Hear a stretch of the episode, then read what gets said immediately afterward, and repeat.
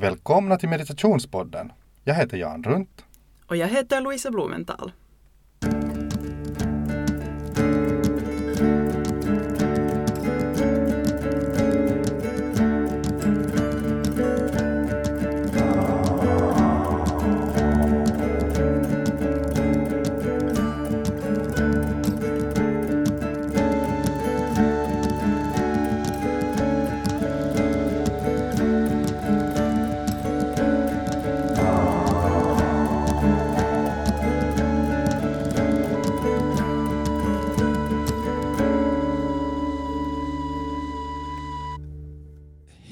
Kära lyssnare!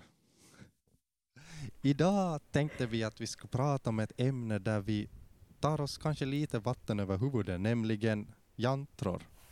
Jantra, jantran. Eh, det här är ett ämne som faktiskt inte är någon deras så här, vad ska vi säga, riktigt specialområde, men eh, det är, en, det är nu en, en, en disciplin inom tantran, så vi tänkte att vi ändå skulle behandla det så väl som vi nu kan med vår förståelse. Hur mycket förståelse har du av ämnet jantra, Louisa? Jo, no, min personliga erfarenhet av jantran är inte jättestor. Um, jag har nog, vad ska vi säga, sett hur tätt kopplad den är med tantra och just att den är ett, ett verktyg som används för meditation till exempel. Men jag har inte haft jättemycket djupgående um, utbildning i det. Jag har, inte, jag har inte stött på det så mycket under mina år till exempel i, i ashram. Så, så dessvärre har jag, inte, har jag inte jättemycket kunskap om ämnet ur ett helt så här personligt perspektiv. Hur är det med dig? Ja, no, det är kanske lite samma sak. Att jag har nog stött på fenomenet, alltså jag tänker nu då på när jag själv studerar. Eh, så jag har stött på det, det har funnits liksom närvarande jantran. Och nu borde vi kanske kort säga att vad, vad är dessa jantran? Alltså, uh, jantran är en form av symboler, bilder, mönster som då kan användas inom tantran. Det fenomen som jag tror att många kanske har hört om, det, det ord som kanske är mera bekant, så det är mandala. Och, och mm. Mandala är då en lite liknande tradition, uh, just med en form av symboliska bilder som kan användas för stöd, som stöd för meditation, men också för att um, kommunicera vissa lärdomar, vissa insikter på ett då mera symboliskt plan. Och, och, och som sagt, det, det, här ingick inte jättestarkt alls i min utbildning i tiderna. Så det är till exempel ingenting som, som jag skulle själv känna mig mm, bekväm att använda som ett instrument när jag lär ut. Men jag tycker att när jag sen då senare, så där mera på egen hand har bekantat mig mera med, med fenomenet, läst in mig på det helt enkelt för att jag då har tyckt att det är intressant. Så, så jag tycker att där finns i, i det här, uh, vad ska vi säga, kunskapsområde som då handlar om jantran, så tycker jag att det finns ett sån här, det finns intressant, uh, det finns intressanta stöd för de här sakerna som vi har pratat om också annars från olika andra vinklar inom tantran och inom, inom tantrans djupare sådär filosofi och liknande. Så därför tycker jag att det kan vara ändå helt trevligt att, att få in det här i podcasten. Men vi måste just kanske mm. sådär sträcka upp händerna och säga att några riktigt djupa experter på området är vi inte, men kanske lyssnaren inte ens är alltså bekant med att det finns något sånt som jantran. Så därför kan, tänker jag mig att kanske vi ändå kan, kan det där komma med lite ny kunskap. Mm. Men du, du jag nämnde dels då det här släktskapet med mandala och, och så nämnde du just det med symboler. Um, ett ord som jag tycker att har varit ganska beskrivande har också varit diagram. Säger det dig någonting?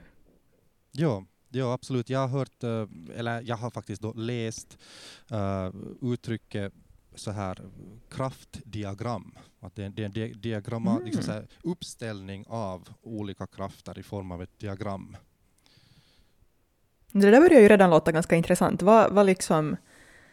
För jag tänker att när vi har ett, ett jantra ehm, så är ju tanken lite som du, du sa, att, att representera någonting symboliskt. Men man kan ju på sätt och vis se det just som att det, det är inte liksom att omskriva någonting eller så här um, som, som jag har förstått det så är jantran, man ser det som att, att den, vad ska vi säga, den energin den dimension som man försöker då framställa i form. Så det är inte liksom...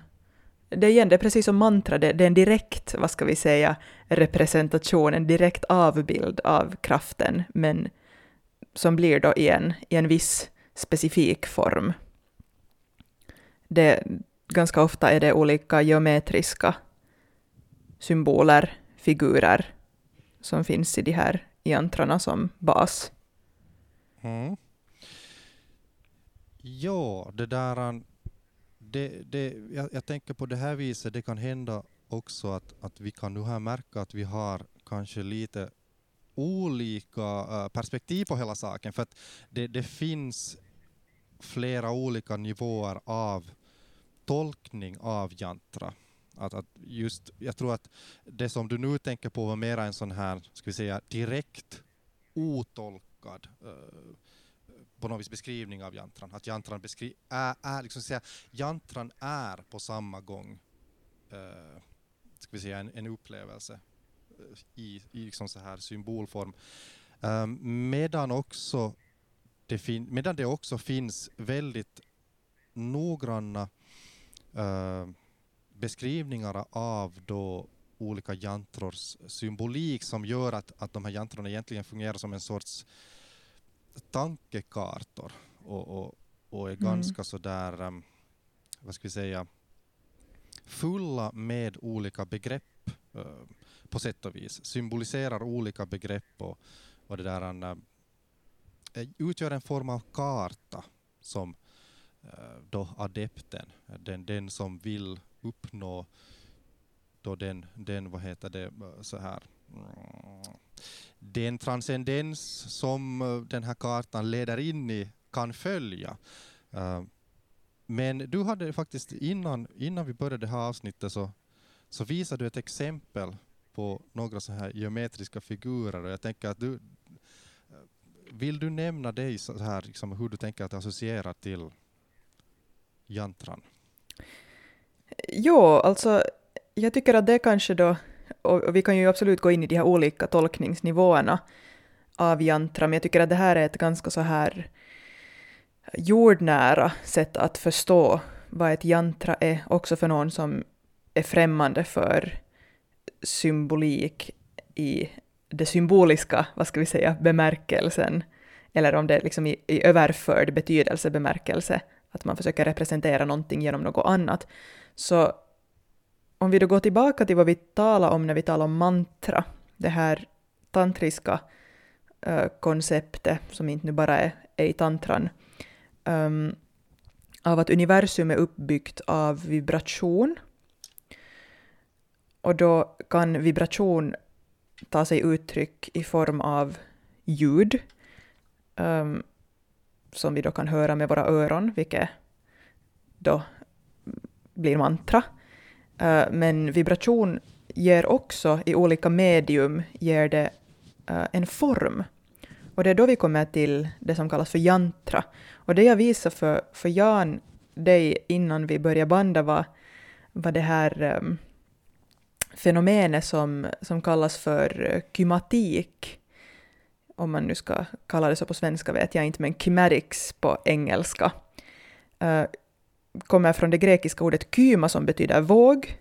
Och i, i kymatik, jag tror att det var, det var en mm, forskare som hette Hans Jenny som, um, om det nu var på 60-talet som han började, mm, nu är jag osäker för att han, jag tror att han föddes någon gång i början på 1900-talet, men, men när han nu sen började hålla på med det um, ja, jag tror det var 60-talet, 70-talet, någonting sånt.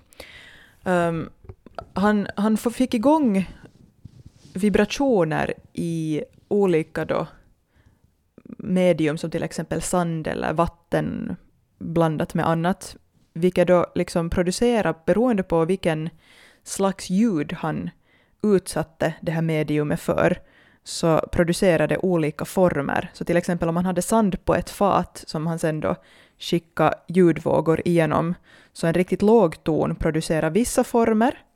Och om jag inte minns fel nu så var det så att en, en lägre frekvens producerar former med mindre liksom um, vad ska vi säga, mindre finess, alltså det var liksom, det var enklare former. Och ju högre frekvens ljudet hade, desto mer abstrakta och liksom så här mångfacetterade former blev det.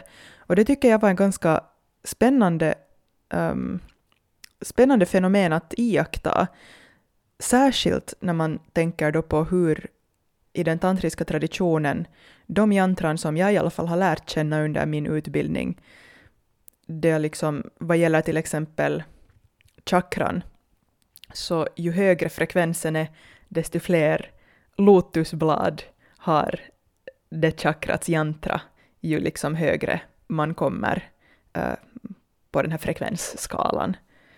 Hänger du med med vad jag, vad jag talar om här? Mm, ja, intressant. Att om man tänker då på Muladhara chakra till exempel, så har det jantrat har liksom då fyra sådana här äh, lotuskronblad um, ähm, som symboliserar energikanalerna, bland annat, som du säger, det finns massa tolkningar i de här, men bland annat de energikanalerna som utgår ur Muladhara chakra.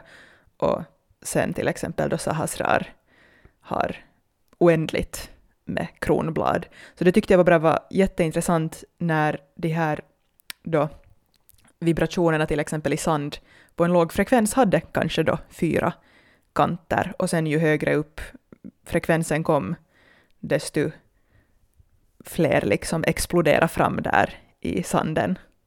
Så, så det tänker jag liksom att för någon som sådär tänker att men ö, vad är liksom det för konstigheter med geometriska figurer och, och liksom läsa in saker, så, så fast man inte ens skulle börja läsa in grejer, så det här är ett, jag menar, tydligen tar sig energin uttryck på det här sättet och yogierna har förstått det och märkt det. Mm. Och uh, jantran så är ju då ofta uppbyggda, uh, eller det, det, är ofta så att det ingår, triangeln är en väldigt viktig form ofta i jantran.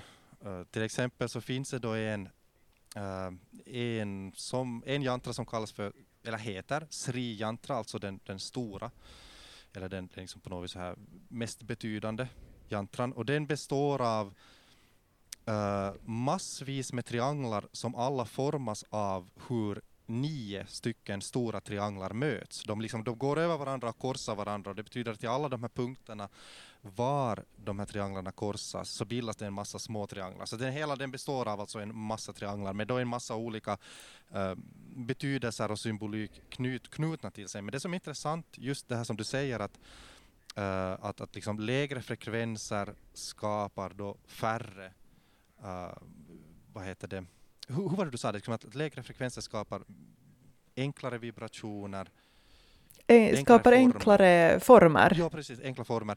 Och, och, och det har jag åtminstone då förstått från, från när jag då har så här efter, lite utforskat det här med jantran, att orsa, en orsak till att triangeln då är så väldigt viktig är att det är den, det är den första formen som, som kan utgöra en, en det där, en symbol eller något sorts som, som bildar en form av bas. Att uh, tre väggar är det minsta som behövs för att bilda en, en form av bas.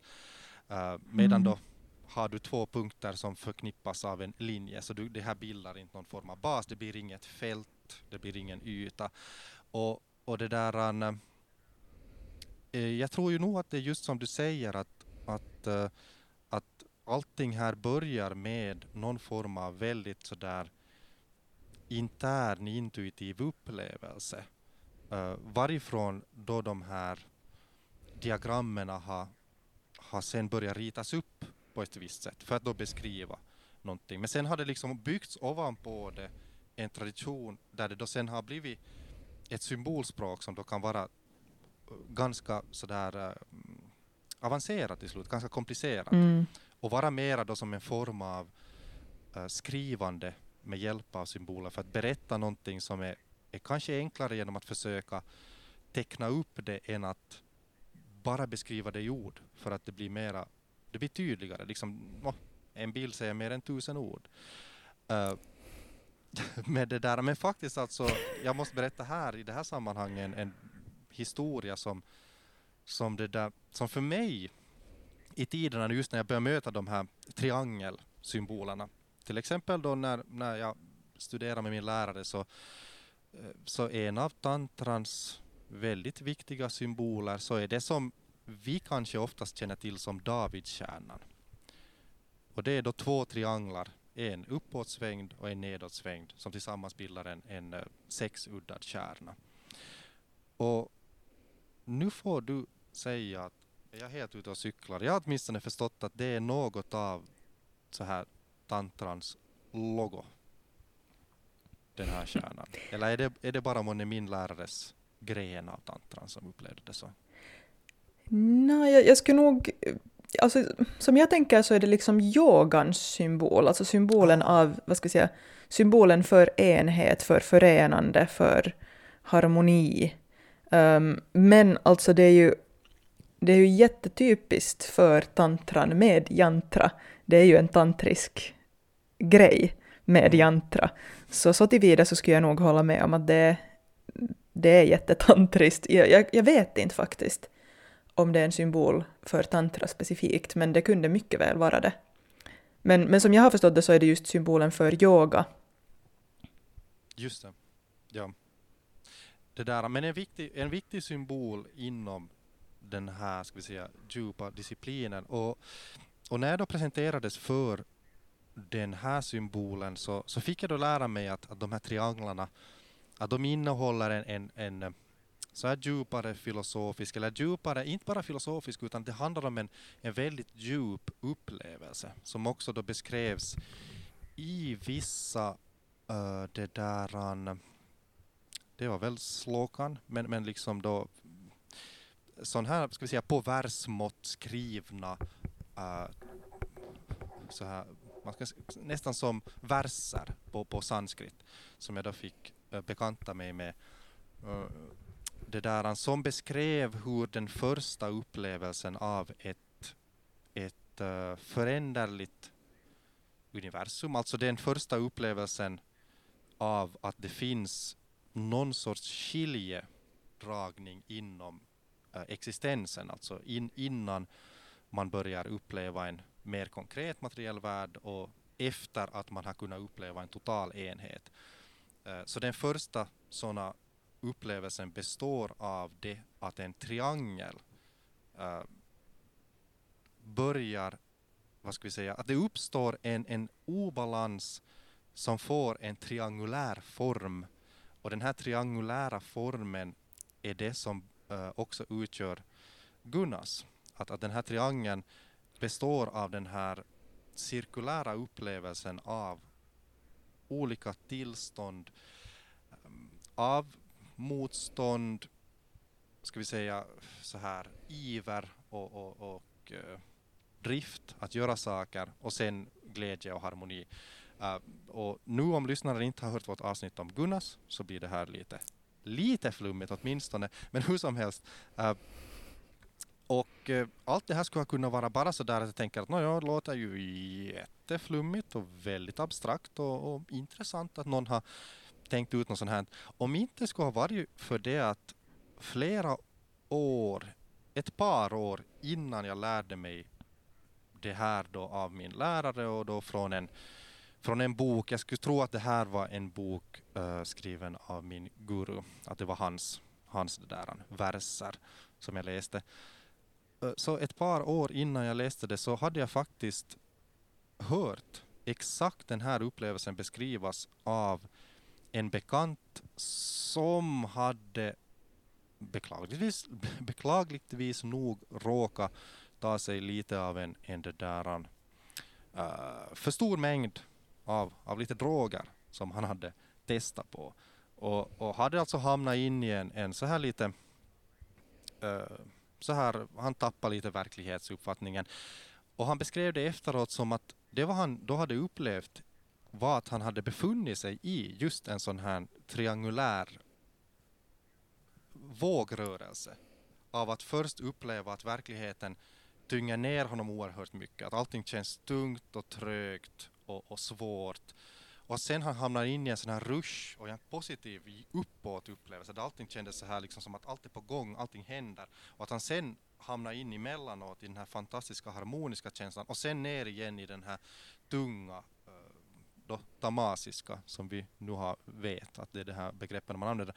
Och jag måste säga att det, det gjorde en oerhörd skillnad för mig det att jag hade hört den här berättelsen, alltså jag hade hört det av honom, den här kompisen som hade varit med om det, flera år tidigare.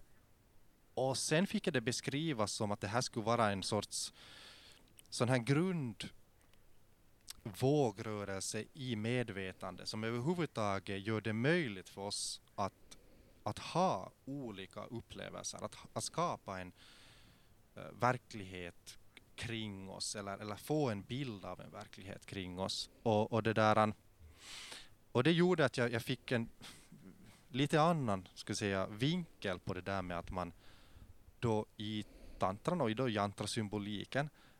så mycket bygger på det här med trianglar. Därför för att det finns den här tanken att, att verkligheten, sån här riktigt grundkristaller, är sådana här triangulära spänningsfält.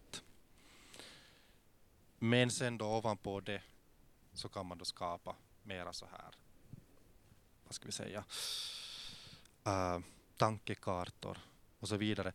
Vilken sorts av, av jantran var det som, som du kom i kontakt med när du bodde på ashram?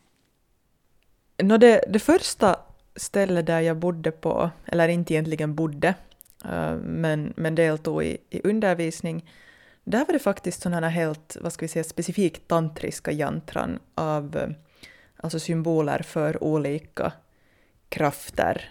Um, det kunde vara Kali jantra eller um, Durga eller eh, nu, liksom, nu minns jag inte specifikt vilka alla som fanns, men det var liksom olika i olika uh, rum och olika situationer som de togs fram. Och där, där liksom var det nog tanken att de, det var liksom, de var stort, vad ska vi säga, mm, utprintade på sådana stora tygskynken som hängde liksom på väggen. Så tanken var att de var där i bakgrunden och man kunde se på dem för att liksom få den här rätta stämningen. Um, sen senare när jag bodde i ashram så då jag har för mig att det mesta av yantra var liksom nog som del av meditations, olika liksom meditationstekniker. Att då var yantran där som ett helt enkelt stöd. Till exempel i yoga nidra, um, att visualisera just yantra för olika chakran um, som en, en metod att komma i kontakt med de här dimensionerna. Intressant. En, en sak som jag frå, måste fråga dig, för jag kommer ihåg att jag i tidigare podcastavsnitt så har jag, har jag nämnt lite så här frågande att, att, liksom att hur är det att känner du till den här bindu-punkten? Och, och, faktum att, att, att nu när jag då sådär refresha, återuppfriska mitt minne om jantran, att jag, jag gick och igen läste i en sån här mycket fascinerande bok som heter Jantran.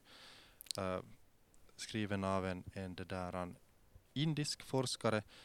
Äh, så, så då slog det mig att ah, det var härifrån, det var från den boken som det var så mycket äh, vad heter det, tal om bindupunkten som en punkt som alltså då ofta finns i jantran som en sån här sorts samlings... Och, och är det här bekant för dig?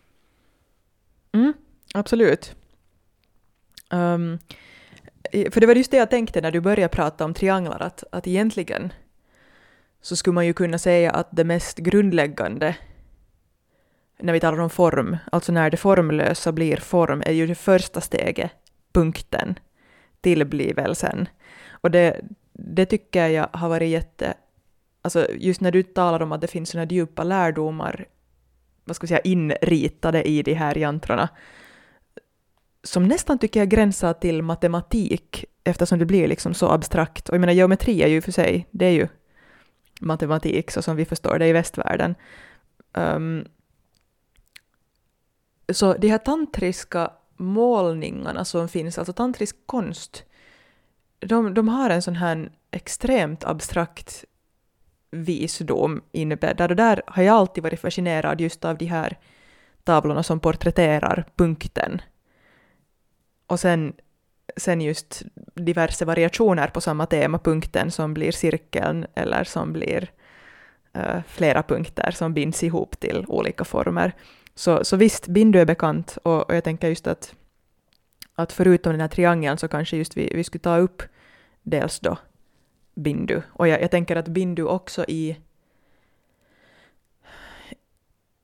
Om man tänker då på, på jantra också i den överförda bemärkelsen att vår kropp är en form.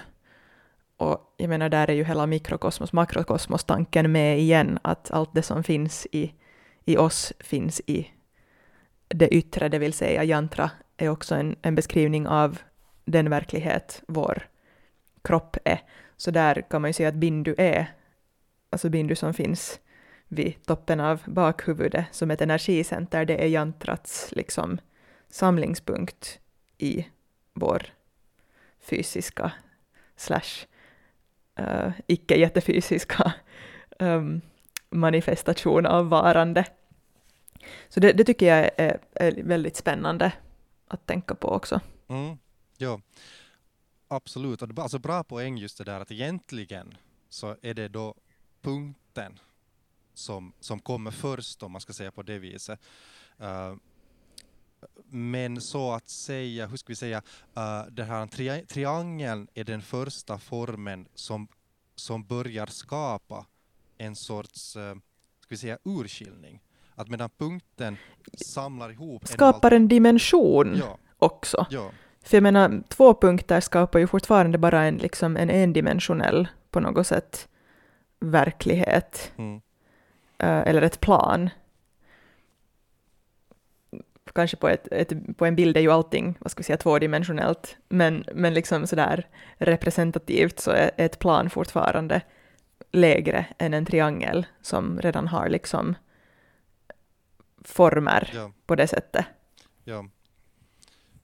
Uh, det där. Jo, jag måste säga liksom här så här som, vad ska vi säga, fotnot att faktiskt det var, det var en jättefin upplevelse att igen börja gå igenom den här boken för att Eh, den här graden av, av uh, abstraktion blandat med så uppenbar jättemycket liksom eh, erfarenhet och upplevelse av då tantriker genom tusentals år. Alltså där det finns det finns någon form av så här jantraformer beskrivna i Vedan som är då från, från över tusen år före vår tid, tid så här räkning.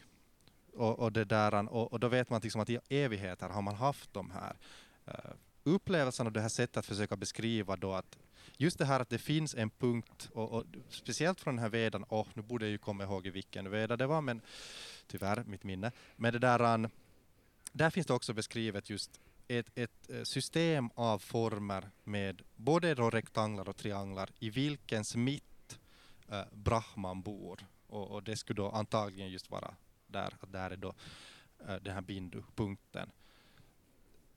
Det, finns, det fick också mig att tänka på just det här vi sa om mantran. Och, och det var ju faktiskt så att det var väl när vi pratade om det att vi skulle banda in ett avsnitt om mantran som, jag tror att du sa att ja men då borde vi nog också ha om jantran. Att, att om vi har mantran så, så vi borde också ha avsnitt om jantran. Jag var så att ja okej, okay, stämmer, bra, bra. Eh, men det, det slår mig att det finns en så på något vis eh, liknande känsla i det här sättet som då symboliskt det byggs upp en bild av en föränderlig verklighet just av de här olika formerna som då antingen liksom har en symbolisk betydelse eller sen bara mera uttrycka på ett mer direkt sätt än, än liksom en verklighet. Mm.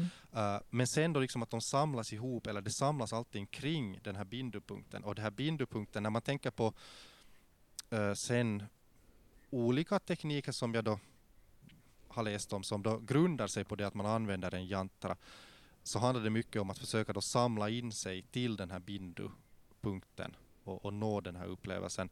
Att det är lite liknande som det vi pratade om mantran, att mantran kan vara en sån här centrumpunkt.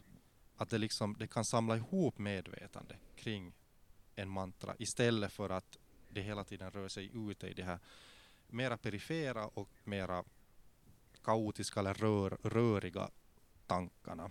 Och lite samma sak finns också i, i det här, vad heter det, bilden av jantran som samlar ihop mm. ett medvetande.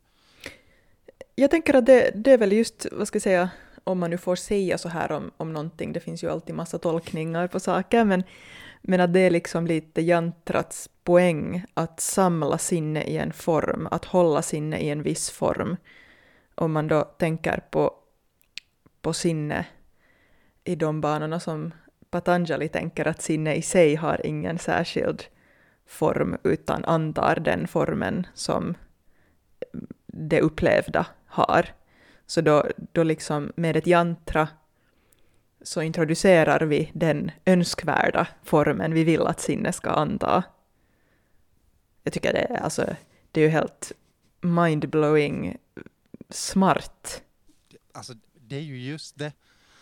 Det är ju just det. Jag menar, vad heter det? Uh, när man tänker att, att det finns liksom. Alltså det, det, är just det som på något vis, jag vet inte, nu, nu blir jag egentligen sådär att jag, jag lite så här rinner av nästan det här ämnet. Men det är någonting alltså som bara gör mig så glad när jag ser att det finns den här otroligt långa traditionen av att hantera de här frågorna och, och skapa, alltså jantra betyder ju faktiskt vad jag då har förstått så, så är faktiskt jantra ett ord som betyder verktyg och instrument. Att jantran är då att man har skapat ett instrument för att hjälpa sinne eh, att komma ifrån de här röriga, eh, detaljerade, materiellt bundna eller känslomässigt bundna, bundna svängningarna och närma sig då den här samlade och på samma gång just därför för att man samlar bort det från de här så eh, vad heter det harmoniska sinne som på samma gång då är väldigt öppet för att det är inte bundet till, till olika detaljer. Så att ja. Det... Alltså, jag, jag tänker att vi har, vi har nämnt punkten, vi har nämnt bindu, vi har nämnt triangeln. Och, och jag, jag lite så här gled redan förbi det, men, men när du nämnde det här med uråldrigt, eller du sa i alla fall väldigt gammalt, så tänker jag ju på det att, att inte det ju igen tantran som ensam har liksom kommit fram till det här, eller hur det, hur det nu sen historiskt sett har gått till, vet jag inte, men, men man finner ju former i alla möjliga kulturer. Um, och en av de här viktiga symbolerna som ju finns nästan världen runt är ju cirkeln. Har, har du någonting du vill säga om cirkeln? Någonting? För den, den finns ju nästan med i varje jantra också. Mm. Det där, då, alltså, säg gärna du, vad kommer du att tänka på när du tänker på cirkeln som en sån här allmänmänsklig symbol? No, jag tänker ju att cirkeln är... Kan man kalla den unik bland former? Är just det att den, den har en... Den har en symbol som på något sätt, tror jag, för det mänskliga sinnet inger upplevelsen av oändlighet. I att den inte liksom, den börjar ingenstans och den slutar ingenstans, utan det bara... Det går runt och runt.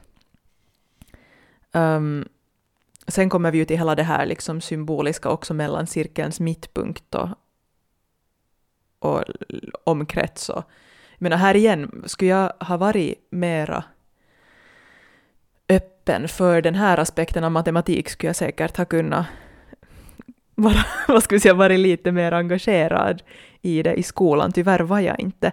Men, men här finns ju liksom extremt spännande saker på gång i cirkeln.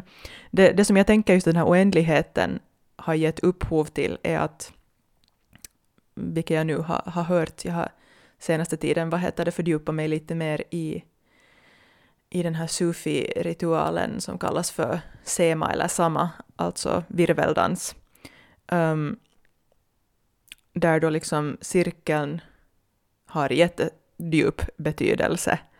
Uh, både det här att cirkla men också cirkeln i sig. Um, och jag tror att i många kulturer så har cirkeln fått representera just ett, transcenden, ett transcenderat någonting, Gud, vad, vad det nu liksom har kallats. Um, och, och såklart en helhet och en enhet, det är någonting som är jätte liksom bara um, helt mm. med en cirkel. Allting kan omfattas i en cirkel. Och, och jag tänker också när, när jag har, har lärt mig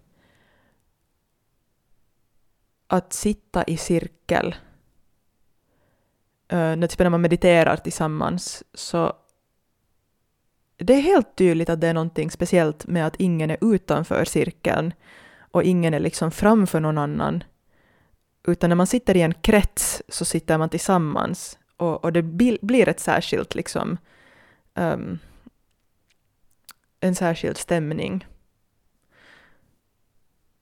Ja, ja, cirkeln är väldigt speciell. Mm. Eh, jag faktiskt kom att tänka på en, en, en form som, som, jag vet inte, är den nu direkt, alltså det var det här du sa om det här spänningsfältet mellan cirkelns mittpunkt och periferi, eller jag tror att du, du nämnde någonting åt, åt just det hållet, uh, som fick mig att tänka på då en, en annan symbol som, som nog i princip väl ingår i utvecklingen av ett sånt här formspråk som, som jantran då handlar om. Uh, den är ju då äldre än, än, än, ska vi säga, det som historiskt kallas för tantra i och med att, att de här ska säga, de, de framträdande tantriska skrifterna, så det var under det första årtusendet av vår tideräkning, så det var under de tiderna kom. Men, men sen å andra sidan så tänker jag mig ju att det här, det som är tantriskt inom yogan, så det är ju en, ska säga, en aspekt och en sida av, av det där, den här traditionen, som jag nog själv tycker att man på sätt och vis då, utan att kanske att helt korrekt då, det är lite att eh, använda ett namn retroaktivt, men att de här sidorna, de här mest uh, ska vi säga, djupgående och metodiska sidorna så har ju funnits oerhört länge. Men hur som helst, uh, jag tänker då på en annan form som ju har blivit helt förstörd i västerlandet, det vill säga svastikan. Uh, mm. Det var faktiskt, det var för mig en ganska sådär, vad ska vi säga, inte chockerad för jag var ändå så van med att saker och ting var lite annorlunda än vad man var van med när jag, när jag då det där studerade med min lärare. Men nu blev jag ändå lite sådär chockerad när för honom ingick då svastikan i en jantra eller en symbol som för honom var väldigt viktig och det där och, och, och no, jag hade ju nog hört om det att, att svastikan det är ingenting som nazisterna har hittat på. Men de facto det är då att det, det är en symbol som, som dels då har en sån här, vad ska vi säga, väl, eh, nu, nu kommer jag inte på rätt uttryck på svenska. Men det är sån här auspicious, det är liksom en sån här positiv symbol. Den, det är liksom en symbol för en god existens, för ett gott liksom leverne. Men på samma gång vad jag också fick lära mig att den här själva formen då i svastikan, att den skulle innehålla en, en sån här mystisk betydelse, att, att det just handlar om på sätt och vis en cirkelrörelse, att man kan tänka sig den svastikan som en virvlande en, en liksom, man skulle kunna tänka sig den symbolen snurrandes runt, då skulle man förstå bättre vad den försöker visa. Den försöker visa att, att verkligheten är samlad kring en mittpunkt där allting hänger ihop och, och om, du når den, om du når den här mittpunkten då till exempel just genom meditation till exempel, uh, så då kan du uppleva den här totala helheten. Då kan du uppleva det att alla de här olika, ja, alla varelser, alla ting och så vidare, så egentligen kopplade samman, precis som då svastikans yttersta punkter i yttre ändan av de här hakarna eh, är kopplade till mitten. Men det är bara det att befinner du dig där ute i periferin så, så kan det vara svårt att se det här. Då ser du mera den här åtskillnaden. Och det där, så där, där liksom tänker jag mig att, att eh, Att det är lite kopplat till det här cirkeltänkande. Att allting är egentligen kopplat. Det är bara det att om du befinner dig ute på periferin av en cirkel, om vi nu tänker oss cirkeln som en bild för verkligheten, så då kan någon del av den här periferin så kan upplevas som att den, den står dig nära och ska vi säga andra ändan av då en, en så här universumcirkel så kan upplevas som att vara någonting oerhört främmande och som är totalt åtskilt från dig. Uh, men när du då får den här djupare insikten så inser du att det är kopplat, att det är, liksom, det är en världscirkel. Och, och på sätt och vis så tycker jag just själv den här tanken att du når den här mittpunkten och kan se att alltihopa är egentligen bara kopplat till varandra via en mittpunkt. Och jag tänker att det är just det här du sa med svastikan, alltså det är ju helt samma med, med som du nämnde, um, då den här symbolen för yoga, mm, som, så som jag har lärt mig det, alltså uppåtpekande triangel och nedåtpekande triangel på varandra, att just, jag tror att många när de ser det så tänker de direkt på en religiös konnotation och inte ser det som en abstrakt, på något sätt ett uttryck för någonting. Men jag tänker att det är ju inte kanske en slump att de här symbolerna har blivit använda i diverse sammanhang just för att de är kraftiga. Mm. Och jag tänker också, menar, om vi talar religiösa symboler så det är klart till exempel korset också har en, en mer så här, vad ska vi säga, um, mental eller känslomässig betydelse för många. Och, och har man inte en positiv så har man kanske en negativ sån konnotation. Men, men också korset i sig, jag menar, har ju en, vad ska vi säga, jantrisk betydelse en uppåtgående linje och en, och en tvärgående linje. Och, och det finns jättemånga jantran, både yogiska och icke-yogiska, där det finns en, en cirkel med ett kors igenom. Jag tänker om, om du någon gång har sett olika trummor um, från diverse delar av världen, så är det nästan förbluffande hur många symboler kommer upp på samma sätt, oberoende av geografiskt var du befinner dig. Mm. Ja, jag, har, jag vet att jag åtminstone någon gång har lärt mig det där um, en sån sak som att korset skulle peka till hjärtchakran. Att man tänker sig liksom att om du gör ett kors med din kropp så var möts linjerna? De möts liksom på sätt och vis i hjärtchakran. Det här vet jag att jag åtminstone någon gång har hört, men det, det finns säkert många olika, många olika betydelser och, och många olika tolkningar. Ja, helt säkert.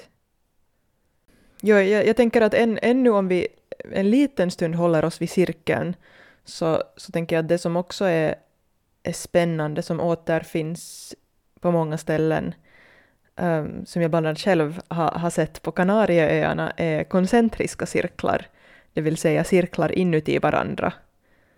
Mm. Också tycker jag är en väldigt så här hisnande uh, jag, jag har svårt att säga på vilket plan det rör sig, men hisnande så här um, koncept. Mm. Faktiskt måste jag säga att jag har sett samma sak uh, för det där en beskrivning av uh, kopplingen mellan chakror och uh, geografiska former. Var uh, det där var de här koncentriska cirklarna då går på det viset att uh, mitten av alla de här cirklarna är vid Sahasrara chakran och sen för varje chakra så är det liksom en cirkel till.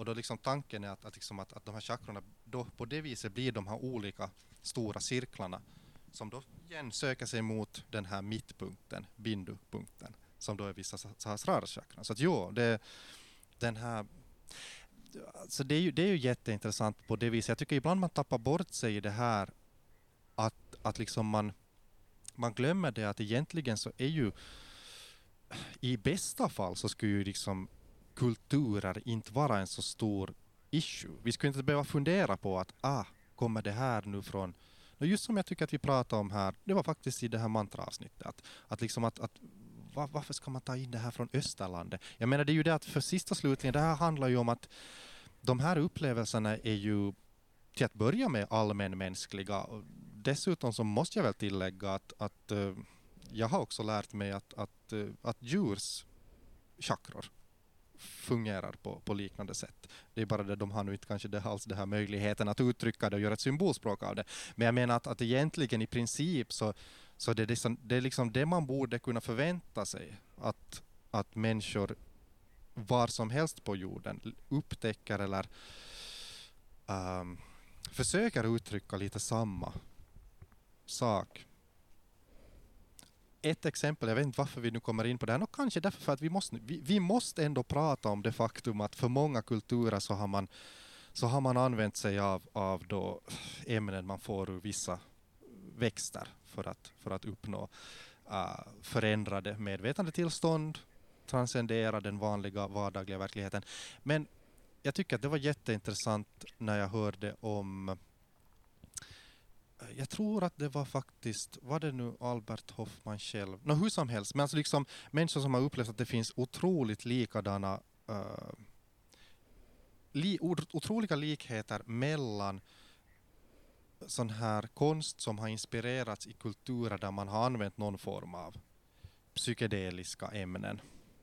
Och det här visar ju att det, det är saker som, som tydligen finns i, i människors medvetande, lite oberoende av var på jorden som, som man bor. Så går man liksom längre in, och, eller längre in eller längre ut, det är det som, det är, det som är frågan. Mm. Liksom, så, så hittar man ganska liknande så här. Jag tänker att det där, det där hör man ju också att, att vad heter det, eller har jag i alla fall hört människor berätta upplevelsen av när man har tagit en medvetandeförändrande drog, då kanske inte liksom, nu jag tänker specifikt på någon sån här partydroger, men just någon, någon som är mer psykedelisk till naturen, och hur man börjar se former, symboler, um, geografiska, eller inte geometriska, vad ska vi säga, um, nästan som hologram som liksom dyker upp i ens sinne eller medvetande. Och liksom att när man tittar på någonting så kan det mitt i allt liksom brytas ner i beståndsdelar som består av, av olika former och symboler. Så vare sig det sen liksom man kan ju fråga sig att men är det här då ett tecken på att allting faktiskt är geometriska symboler? Så det, det vet vi ju inte på något sätt, liksom, jag vet inte hur vi ska mäta det, mm.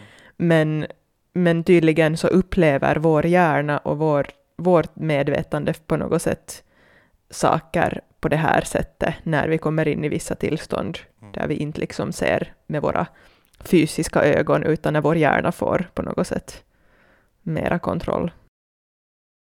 Vi, vi sa ju det här när vi började att vi är inte experter på det här med, med jantra, men, men jag måste säga att liksom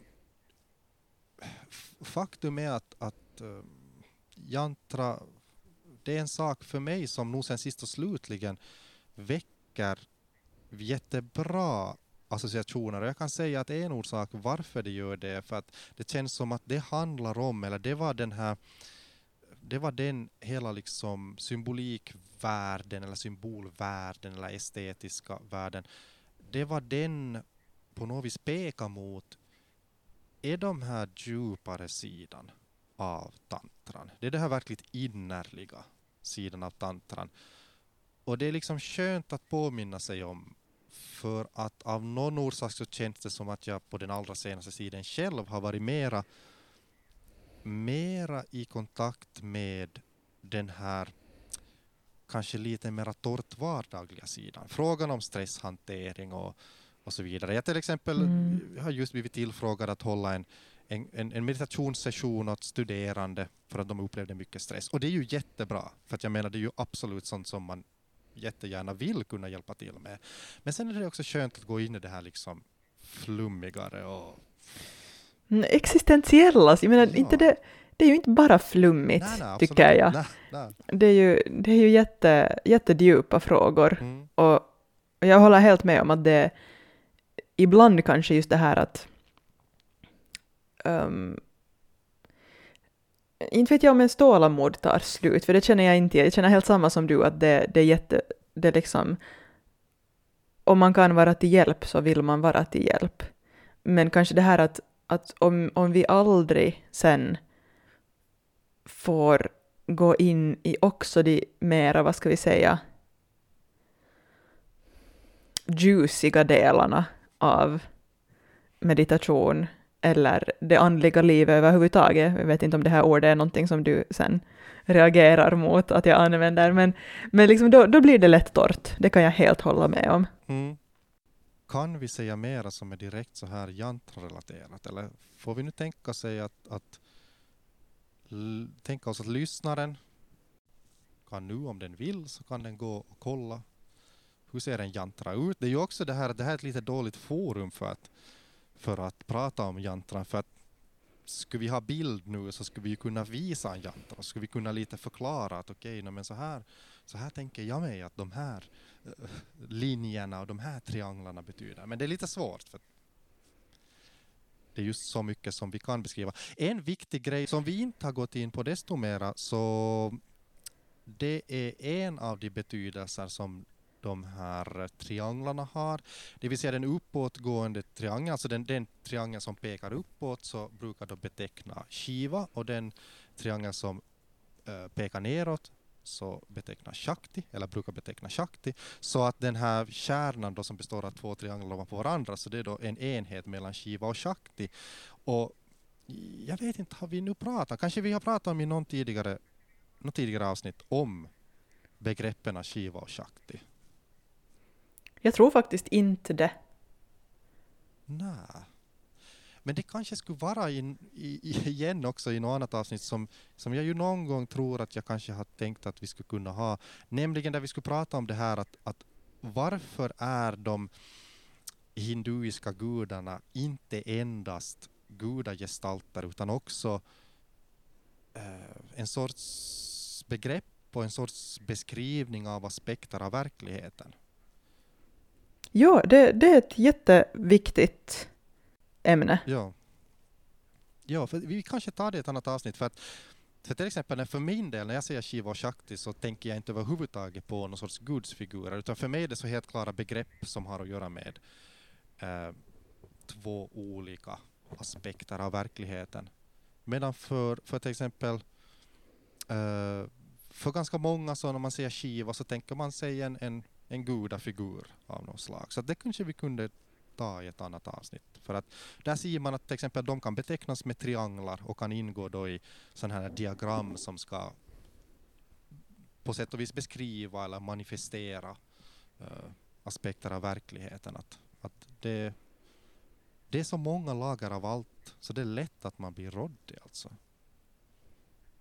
Ja, nej men låt oss, låt oss prata om det i ett, ett annat avsnitt och jag, jag tänker kanske bara nu när vi en gång har tagit upp den här då uh, uppåtpekande triangeln och nedåtpekande triangeln, du sa Shiva och Shakti, så kan man ju också kalla den uppåtpekande triangeln symbolen för medvetande och den nedåtpekande triangeln symbolen för energi.